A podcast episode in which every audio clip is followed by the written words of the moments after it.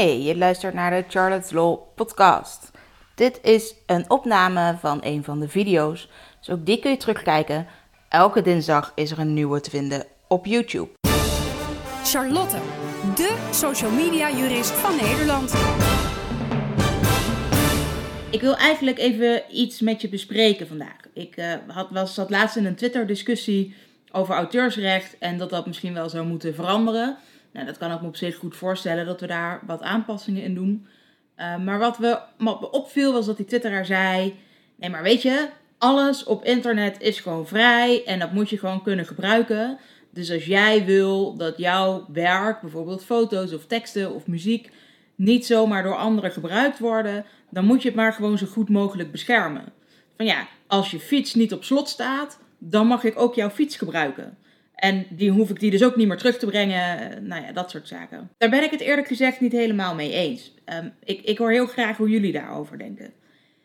De vraag is namelijk een beetje wie is er voor verantwoordelijk als er inbreuk wordt gemaakt op auteursrecht of wanneer dus uh, gewoon een fiets gestolen wordt. Ben ik er dan voor verantwoordelijk dat ik alles zo goed mogelijk op slot zet?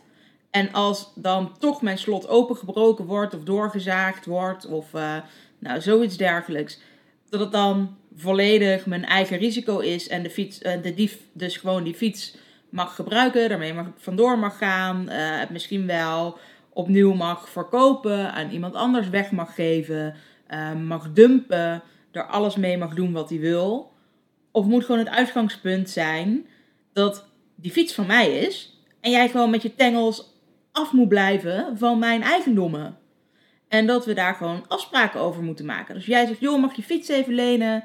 Dat ik dan zeg, prima, hier uh, heb je de sleutels. Ik heb hem wel morgen weer nodig, wil je hem dan even terugbrengen? Nu is het namelijk eigenlijk zo dat, zoals die tweep zei, ja, weet je, dan, als je dan al merkt dat hij weg is, dan moet je sowieso eerst nog waarschuwen. En dan mag je niet meteen al een vergoeding in rekening brengen. Terwijl het auteursrecht gaat er eigenlijk vanuit, je hebt schade geleden. De schade die je geleden hebt, die mag je verhalen. En dat mag ook meteen al.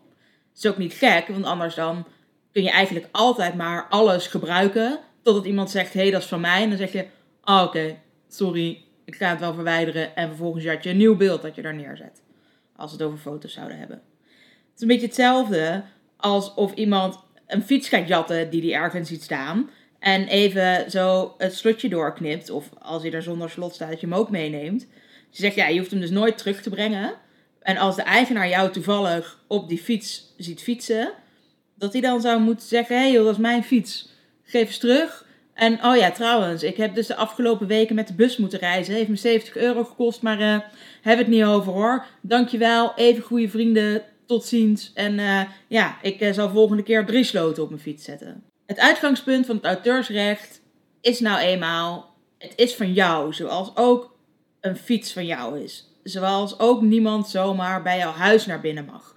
En dat het niet uitmaakt hoe goed die op slot staat. Als je daar schade door hebt geleden, dan mag je gewoon die schade verhalen. Moet je wel nog aantonen wat dat is, maar je hebt gewoon recht op die schadevergoeding. Dat betekent andersom dus ook dat je er gewoon van uit moet gaan dat als je ergens iets ziet, dat dat van iemand is.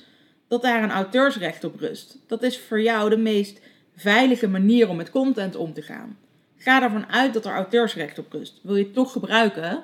Vraag dan even om toestemming. Er zijn genoeg makers die dan heel snel reageren, bijvoorbeeld al via social media, of als je mailt of je belt ze even. En dat ze zeggen: Oh joh, prima, je mag dat beeld best gebruiken. Je mag het best uh, mijn Instagram-foto reposten.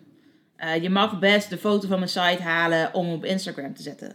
Je mag best de foto uh, van Instagram halen om hem te delen op Facebook of om hem op je website te gebruiken. Weet je, heel vaak is het voldoende als je afspreekt dat er naamsvermelding bij komt te staan. Maar denk nou niet, iedereen doet het of het is zo makkelijk en ik vind dat het recht anders zou moeten werken, waardoor je er anders mee omgaat.